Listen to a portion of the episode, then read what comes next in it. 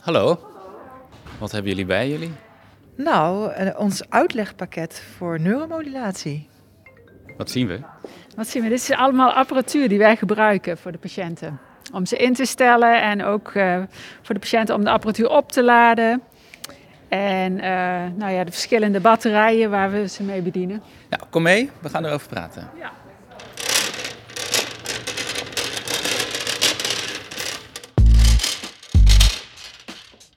Dit is Verder in Beweging, een podcast over innovatie in de zorg. Ik ben Maarten Dallinga, freelance journalist en podcaster en maak Verder in Beweging voor de Sint Maartenskliniek. Een ziekenhuis gespecialiseerd in houding en beweging. Dit is aflevering 6 van het tweede seizoen, neuromodulatie. Mijn naam is Natasja Maandag. Ik ben een van de anesthesiologen pijnspecialisten verbonden aan de pijnpolie van de Maartenskliniek. Ik ben Sirene Hendricks Fransen. Ik ben uh, werkzaam als verpleegkundig specialist op het pijnbehandelcentrum. Samen met nog drie collega's zijn wij vooral uh, de vraagbaak voor de neuromodulatie. Neuromodulatie is een, een behandeling voor chronische pijn. En die wordt gegeven aan mensen bij ons in de kliniek vanwege failed surgery syndroom. Dus ze zijn eerder aan de rug geopereerd, maar het heeft geen effect gehad. Neuromodulatie is een implantaat die in de epidurale ruimte geplaatst wordt bij de patiënt. Wat is dat? Dat is een ruimte vlak bij het wervelkanaal. En dat implantaat wordt aangesloten op een batterij. En via die batterij in de bil uh, zetten we een soort stroompje op die elektrodes, waarmee we eigenlijk het pijnsignaal bypassen. Dus de zenuwen willen eigenlijk een pijnsignaal naar het brein sturen. En via dit systeem bypassen we dat eigenlijk. Dus we willen ervoor zorgen dat die signalen minder naar het brein gaan. En uh, die mensen die wij implanteren hebben veel resterende beenpijn. En daarom hmm. krijgen ze uiteindelijk aan het, helemaal aan het einde van het traject. Dus er is geen orthopedische mogelijkheid meer om de pijnklachten te verhelpen. Pijnbehandelingen helpen onvoldoende of niet. Medicatie helpt onvoldoende of niet. Uh, dan pas komen ze na een streng screeningstraject in aanmerking voor neuromodulatie. Ja, dat is de laatste optie. De laatste optie, ja. Dat vertelde verpleegkundig specialist Sirene.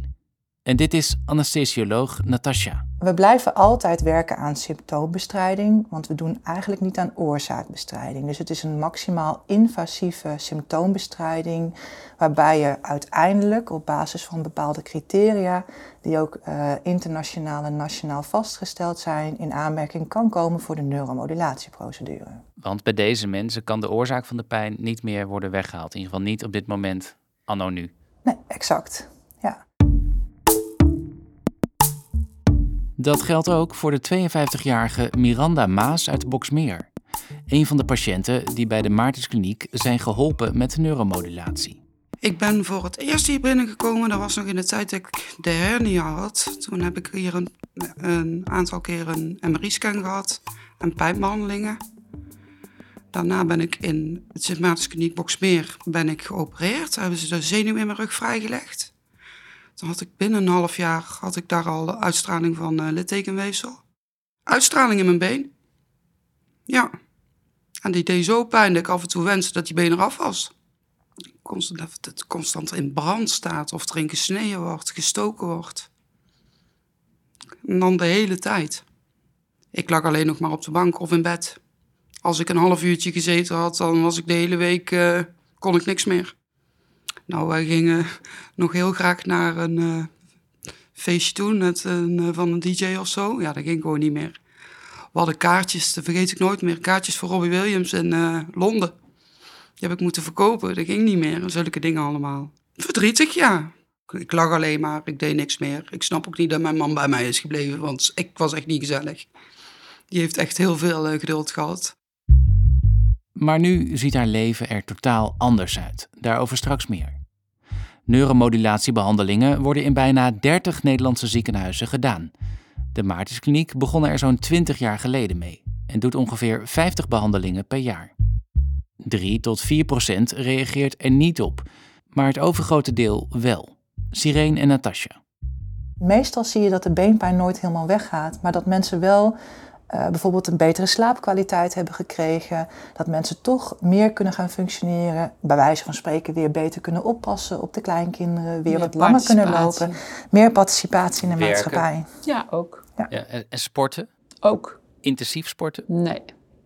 Nee. Maar wel intensief bewegen, zeg maar. Sommige mensen blijven altijd pijnpatiënt, maar er zijn ook heel veel mensen die echt hun leven oppakken en die zeggen, nou mijn kwaliteit van leven is enorm verbeterd. Sommige mensen eh, eh, komen in een rolstoel binnen en uh, zijn later mensen die wel gaan wandelen overdag. Het gros heeft echt een, een flinke verbetering van kwaliteit van leven doordat ze veel meer dingen kunnen ondernemen. Voordat iemand voor neuromodulatie in aanmerking komt, vindt een uitgebreide screening plaats, vertelt anesthesioloog Natasja. Nou, wat we concreet doen is dat we altijd op voorhand ook starten met meer diagnostiek. We proberen ook uitleg te geven. En de meer diagnostiek, dat wil zeggen dat we altijd nog een MRI maken van de hele ruggengraat.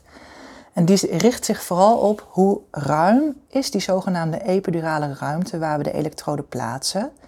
want de een is in aanleg wat ruim, de andere is in aanleg wat krap.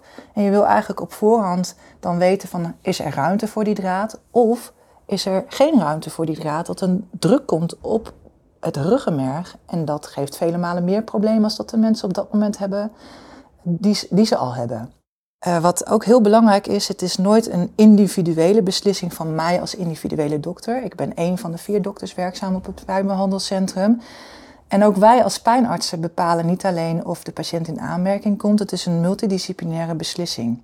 Waarbij iedere patiënt die uiteindelijk geopereerd wordt, ook besproken is door de radioloog die naar de plaatjes kijkt. Er zit nog een orthopeed in ons team die mede beoordeelt van, zeker als patiënten van elders verwezen worden, van zien wij als spine unit ook dat er geen operatieve mogelijkheden zijn voor de klachten die deze patiënt heeft.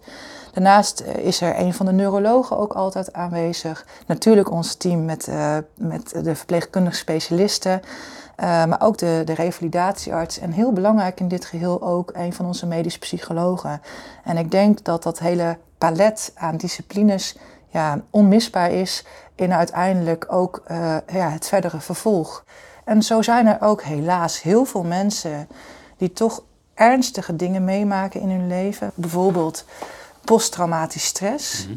Als dat onvoldoende behandeld is, onvoldoende besproken is en mensen krijgen zo'n neuromodulatiesysteem voor hun overheersende beenpijn, is dat we eigenlijk uh, ja, toch het effect van die neuromodulatie voor die groep patiënten overwegend als teleurstellend ervaren. Mhm. Dus het blijft een, een orkest tussen signalen van pijn die ook in het brein geprocessed worden. En dat het een, een hele balans is die allemaal maken van hoe uiteindelijk de verbetering ervaren wordt. Hoe nieuw is neuromodulatie? Neuromodulatie is niet een, nieuwe techniek. Het bestaat al wel tientallen jaren, maar het is wel een techniek die volop in beweging is en in ontwikkeling. Omdat we eigenlijk steeds meer ontdekken van de werking van het brein en ook de communicatie van het ruggenmerg met het brein. En vooral ook de verschillende onderdelen van eigenlijk een perifere pijnprikkel naar het centrale brein. Wat is dat? Er zijn diverse stations die schakelen in pijn en uiteindelijk pijnperceptie. En dat is, dat is van, van zeg maar huid tot, uh, tot alle lagen die in je, in je lijf zitten. En het mooie is dat op, op dat gebied steeds meer ideeën ontstaan en steeds meer ontwikkelingen uh, zich ja, vernieuwen. Steeds meer kennis steeds en innovatie. meer kennis en innovatie, inderdaad. En dan weer naar patiënt Miranda Maas. Neuromodulatie. Uh, voor mij was het een nieuw woord. Voor mhm. jou? Ja, voor mij ook. Ik heb van tevoren wel op moeten zoeken. En wat, wat is neuromodulatie? En ik heb ook naar recensies gezocht. Toen las ik een recensie van een vrouw, ja, die had ook haar leven teruggekregen. En toen dacht ik van wauw, dat wil ik ook. Dus... Maakte je toen een klein uh, figuurlijk sprongetje? Ja, zeker. Dus toen kwam ik uh, weer hier bij dokter Maandag op uh, spreekuur. En die vroeg ook, hoe sta je er tegenover? En ik vertel dat verhaal wat ik gelezen had. Toen zei ze, kijk, oh, stop, stop. Ze zei, het kan ook zo zijn dat het voor jou helemaal niet werkt. Nee, nee, nee. Ze zei, je moet niet nou gaan denken van, uh, ik ben er, want uh, dan moeten we eerst nog afwachten. Ja, het is niet per se een wondermiddel. Nee, het is niet per se een wondermiddel, inderdaad. Begon je toen ook nog weer te twijfelen? Nee, ik heb er altijd goede hoop in gehad. Ja. Voor welke mensen werkt neuromodulatie het beste? Nou ja, ik denk wel de groep die minder andere onderhoudende factoren die een negatief effect op de pijn hebben, die die minder aanwezig zijn, hebben, zeg maar. Dus mensen die een, uh, weinig psychiatrische of psychologische problemen hebben, uh, een goed sociaal netwerk hebben, afleiding hebben, actief leven leiden. Uh, ja, zo zijn al die componenten wel van invloed. Dus als dat een beetje op de rit is, die mensen hebben uiteindelijk wel het beste resultaat. Goed, en dan nu dieper in op de behandeling. Wat we doen is we pakken een naald en uh, met die naald gaan we op zoek naar de zogenaamde epidurale ruimte. Mm -hmm. Daarvoor moet je de lamina identificeren. En als je daar overheen wandelt, kom je eigenlijk in de epidurale ruimte door een zogenaamd weerstandsverliesgevoel. En wat is de lamina? Maar dat is eigenlijk het, het uh, randje bot van de wervelboog aan de achterkant. Waarbij we weten, als we daar overheen wandelen, dan komen we met onze naald in de epidurale ruimte. Wat is dan de epidurale ruimte? Dat is eigenlijk een ruimte waar onder andere vetweefsel zit, waar zenuwen lopen, waar bloedvaten lopen. En dat is precies de ruimte die wij willen bereiken om de elektrode, het draadje, of hoe je het ook maar wil noemen, naar binnen plaatsen. Ja, dus het is een ruimte direct tegen de rugwervel aan. Ja, zo zou je het kunnen beschrijven, ja. inderdaad.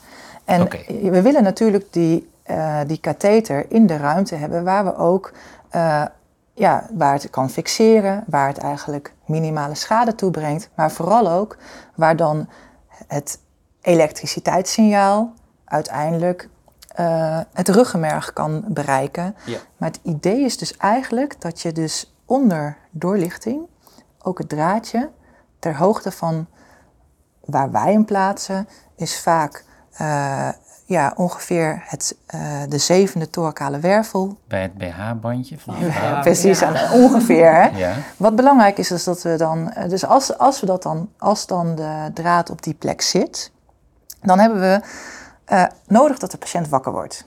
Wacht heel eventjes nog hoor. Ja. Die draad zit nu niet op één plekje tegen de wervel. Het, het idee is eigenlijk, je prikt wat lager aan. Je wil, je wil, ja. je wil dit op de hoogte plaatsen. Want je en dan wil, ga je omhoog precies, met het dan ga je omhoog.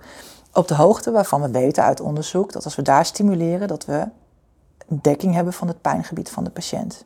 En dan doe je hem dus, en dat is dus die tussenruimte daar. In die epidurale Ja, ruimte. een soort tunneltje haast. Ja, eigenlijk, uh, ja, nou ja, ja, zo kun je het eigenlijk wel zien. En dat wordt het uiteindelijk ook, omdat het lichaam daar eigen materiaal omheen maakt. Waar we dus uh, de epidurale ruimte binnenkomen, daar laten we het draadje natuurlijk niet achter. Want met onze techniek zou die er dan ook meteen ja, weer vlot uit kunnen. Dat Mhm. wil je niet.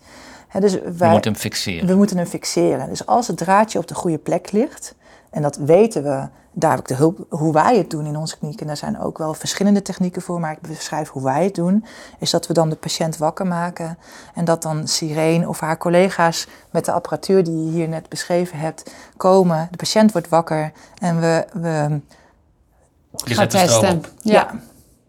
We zetten de stroom aan en dat voelt de patiënt echt als stimulaties, als tintelingen. Mhm. We wachten natuurlijk eerst totdat ze goed wakker zijn om goed te kunnen antwoorden. En dan gaan we via een procedure van gesloten vragen, eh, gaan we zorgen dat we het hele pijngebied gedekt hebben, zeg maar. Dat is ons doel. Geef eens twee voorbeelden van die vragen. Eh, voelt u de stimulaties in uw onderrug? En dan Ja zegt de nee? patiënt ja of nee. Voelt u de stimulaties in uw rechterbil? We weten van tevoren exact waar de pijn zit. Ja. En we willen dat die stimulaties tijdens die procedure ook exact op dat, op dat gebied zit. Ja. Dat En- is ons doel. En als dat lukt, eh, dan dat testen we op meerdere punten. En als dat het geval is, dan gaat de patiënt weer slapen. En dan gaat eh, de pijnarts verder met de procedure. En als dat niet lukt, dan wordt die lead een beetje geherpositioneerd en gaan we opnieuw testen. Dan wordt de patiënt weer wakker gemaakt. En dan opnieuw Nee, nee, testen. nee, nee, nee. Dan doen we tijdens dat de patiënt Oh, oké. wakker is, de, Dat lead iets verschuiven. Ja, Ja. ja. Oké, dus en als je op de goede plek zit, dan ga Nou. je fixeren. ja, ja. Dus dan zet je dat draadje vast. Ja. Dat Waar noemen maak we je dat, die aan eh, vast? Ja, dat, is, dat noemen we een zogenaamd anker. En die plaatsen we dus over de draad heen. Dus het siliconen gaat er omheen eh, om de draad ook extra te beschermen. Mhm. Want het, het blijft elektriciteit, het blijven kabels. En er kunnen ook altijd kinken in de kabels komen. Ja. Dat wil je natuurlijk liever niet, want dan ja, dan hapert het wat en dan heb je er onvoldoende effect van. Dus wat we dan doen, is dan uh, glijden we dat siliconen omhulseltje eromheen. En uh, wat we willen is, om spieren zitten eigenlijk alle, zit altijd fasciemateriaal. Fascie is sterk bindweefsel, waar je dat dan goed aan kan fixeren. En dan maak je als het ware steunhechtingen, zoals we dat dan noemen. Als we dus, hè, we weten, we hebben het net allemaal getest en de, de, de elektrode uh, zit op de goede plaats, dan gaan we de zogenaamde proefperiode in. En dat betekent dat we de resterende draad naar de bil toe leiden. Mhm. En dat we in de bil, ja, ik zeg altijd, een soort van kroonsteentje plaatsen. Mhm. Dat is wel heel Jip en Janneke, maar dat, zo, dat vind ik, de beste vergelijking. Ja. En via dat kroonsteentje, er zit dan ook weer een, een draad aan. Dus, dus je koppelt deze aan het kroonsteentje. Ja, verbindingstukjes. Precies. En, dat, en die ga je dan naar de flank toe, naar buiten leiden. Dan krijgen patiënten gedurende twee weken uh, een batterij die buiten het lichaam zit. Mhm. Waarin uh, de patiënt dan ja, na de operatie eigenlijk dan ingesteld wordt. Uh, Via door... de externe batterij. Precies. Ja. En dat doen onze verpleegkundige specialisten dan natuurlijk weer. Wat wordt ingesteld? Op deze batterij stellen wij een programma in die ze gaan uitproberen om te ah. kijken wat daar het effect van is gedurende twee weken. En die batterij zit dus aan de buitenkant vastgeplakt en helemaal omringd met gazen.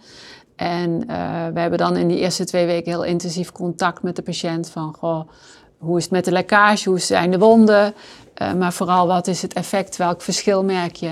We zorgen dat de stimulaties goed in het pijngebied zitten en daarop zetten we een stilprogramma in een cyclische modus, dus een aan-uit-programma. Maar dat impliceert dat het niet altijd aanstaat? Ja, 30 seconden aan en 90 seconden uit. Ah, Oké. En waarom?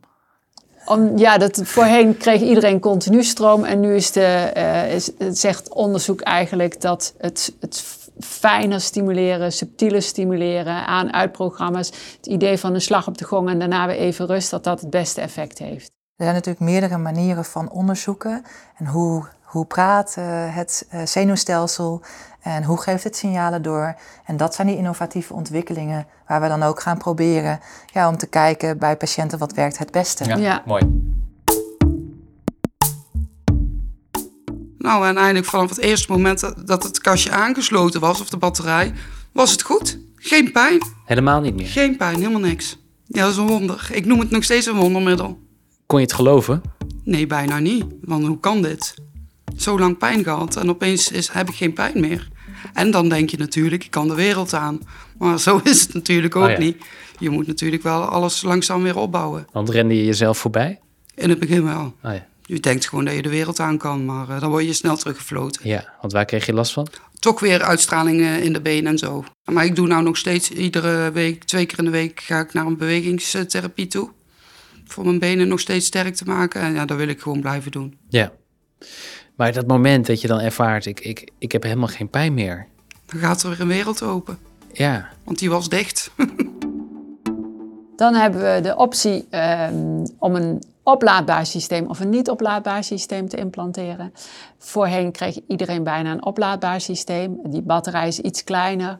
Uh, die gaat tien jaar mee en uh, daar moeten mensen ongeveer één keer in de week aan de oplader gedurende twee uur, anderhalf tot twee uur. Hoe werkt dat? Kort. Uh, hebben we hier bij ons. Dit is een oplaadaccu met een uh, antenne of een, een pedal. En dan ah, okay. zet je, zal ik hem aanzetten? Heb of, je ook voor de mobiele telefoon. Dus die hou je er gewoon bij ja. en dan laat het apparaatje op. Ja. ja. Ja, maar deze batterij zit dus in de bil en die pedal houden ze op een bil. En dan is dit het oplaadkastje, wat dan via de stroom is opgeladen. En die draagt eigenlijk op die manier de stroom over aan de batterij. Ja. En dat doen ze één keer per week. En gaat dan tien jaar mee? Gaat de batterij ongeveer tien jaar mee, mits er verder niks kapot gaat aan het systeem. En niet oplaadbaar? Niet oplaadbaar is iets groter. En dat zijn deze. Ja. Uh, en daarin uh, zetten we dus uh, die stille aan-uit-programma's. En voorheen kon dat eigenlijk minder goed, omdat we hoog in de stroomverbruik zaten, liepen deze batterijen sneller leeg. Maar tegenwoordig stimuleren we dus veel subtieler en komen we dus met niet oplaadbare batterijen uit. Het voordeel hiervan is dat deze op hele korte termijn, daar zijn we nu volop mee bezig, die worden op afstand bedienbaar via een app. Uh, dat geldt niet voor deze, gaat in de toekomst ook voor deze komen. Maar dat niet is voor de oplaadbare nog? Nog niet, maar er gaat wel komen. Maar nu op dit moment is deze, dit type batterij is op afstand bedienbaar. En onze patiënten komen uit het hele land, dus dat is een hele aantrekkelijke optie. En hoe lang kan een patiënt dan gemiddeld met een, een niet oplaadbare batterij? Hangt van hun stroomverbruik af. We, we beginnen dus in de proef met, met uh, korte aan-uit zeg maar. En dan na die proef hebben we meer ruimte om langer te testen. Dus dan testen we ook langere pauzetijden uit. En dat zou op die manier weer een, besparing van de batterij geven. Mhm. En de fabrikant zegt vijf tot zeven jaar, maar we moeten het in de praktijk nog gaan zien. Want we doen dit nog niet zo heel lang. Nee. Voorheen was dit de gouden standaard, de, niet opla de oplaadbare. En nu gaan we bijna allemaal, uh, uh, de meeste mensen kiezen hiervoor vanwege het feit dat die M MRI-compatible is in combinatie met een bepaald type lied. Wat, wat betekent dat? Dat ze ermee door de MRI mogen. En dat is met deze batterij veel beperkter. Dus dat is een voordeel. En het feit dat ze hem op afstand kunnen bedienen. En het feit dat ze eigenlijk minder met een pijn bezig zijn. Want ze hoeven niet iedere week eraan te denken dat ze de batterij moeten opladen. Heeft ja. Voorlopig de voorkeur. Nu op dit moment de voorkeur, maar tot een jaar geleden implanteerden we vooral die. En wat dus... merkt de patiënt ervan, van de aanwezigheid van zo'n ja, dingetje in, in, in zijn of haar lijf? Sommige patiënten hebben er helemaal geen last van. Andere patiënten voelen hem altijd zitten. Het kan alle kanten op. Ja. ja. En hoe reageert het lichaam erop? Het is natuurlijk niet een lichaams-eigen materiaal. Nee, maar wat je eigenlijk ziet is dat het lichaam heel vriendelijk omgaat met het uh, ja, materiaal wat niet lichaams-eigen is. En dat er een heel mooi vlies omheen gevormd wordt. En uh, dat duurt natuurlijk wel eventjes. En bij de ene mens is dat vliesje wat, uh, wat dikker en wat steviger dan bij de andere mens. Um, dus, uh, maar meestal ja, zie je na, na een paar weken dat het al begint te vormen. En dus als het ware kapselt, kapselt het lichaam dat lichaamsvreemde materiaal in. En, en merk je dat je dat apparaatje in je hebt, dat het geïmplanteerd is? Ja, ik voel hem wel als ik zit. Oh ja? Ja, met lang zitten dan eh, voel ik het echt, die batterij wel zitten hoor. Dat is best wel gevoelig. Het wordt ook eigenlijk wel geadviseerd om stevig ondergoed aan te doen. Dat je gewoon goed... Uh, ja, demping. Ja, en goede steun eraan hebt. Ja. ja mensen die dan gebruik maken van neuromodulatie, hoe vaak komen ze nog terug in het ziekenhuis? Um, ze komen twee weken na implantatie in het ziekenhuis. Ze komen drie maanden na implantatie, zes maanden na implantatie en jaarlijks na implantatie bij ons op de poli. Gedurende hun hele leven in principe? En, nou ja, daarna is het gewoon ieder jaar zijn ze bij ons op de poli om te evalueren. Ja. En dan is zeg maar zo'n voordeel van een uh, batterij die op afstand te controleren is, is natuurlijk best wel groot. Als je ieder jaar naar de poli moet om dat te laten controleren. Ja. Uh, we evalueren dan eigenlijk het effect. Staat het eigenlijk nog volgens de nieuwste inzichten ingesteld? We denken altijd mee van, goh, wat gebruik je nog aan pijnmedicatie? Kunnen we daar nog iets in, in veranderen, verbeteren, afbouwen? Um, is alles eigenlijk nog up-to-date? Zijn de weerstanden goed? We hebben eigenlijk best wel veel contact met patiënten als ze eenmaal geïmplanteerd zijn. Je hoorde anesthesioloog Natasja Maandag en verpleegkundig specialist Sirene Hendricks Fransen. En dan nog één keer naar patiënt Miranda Maas. Je kan dus nu weer heel veel meer, uh, ook op werkgebied. Ja, nou, ik heb altijd uh, als afdelingsmanager in een uh, supermarkt gewerkt. Nou, dat was al uh, snel duidelijk dat dat gewoon niet meer ging. Ook door de hernia die er nog steeds zit. Ik had daarbij als hobby altijd een webshop in Ibiza staalkleding. Oké. Okay. En ehm, ja, sinds het eindelijk goed met me gaat, heb ik besloten om een winkel te beginnen. En die hebben we ook. En aanstaande woensdag gaan we ook. Wauw, gefeliciteerd. Ja, dankjewel. Een fysieke winkel. Ja. Ja. Met webshop erbij, ja.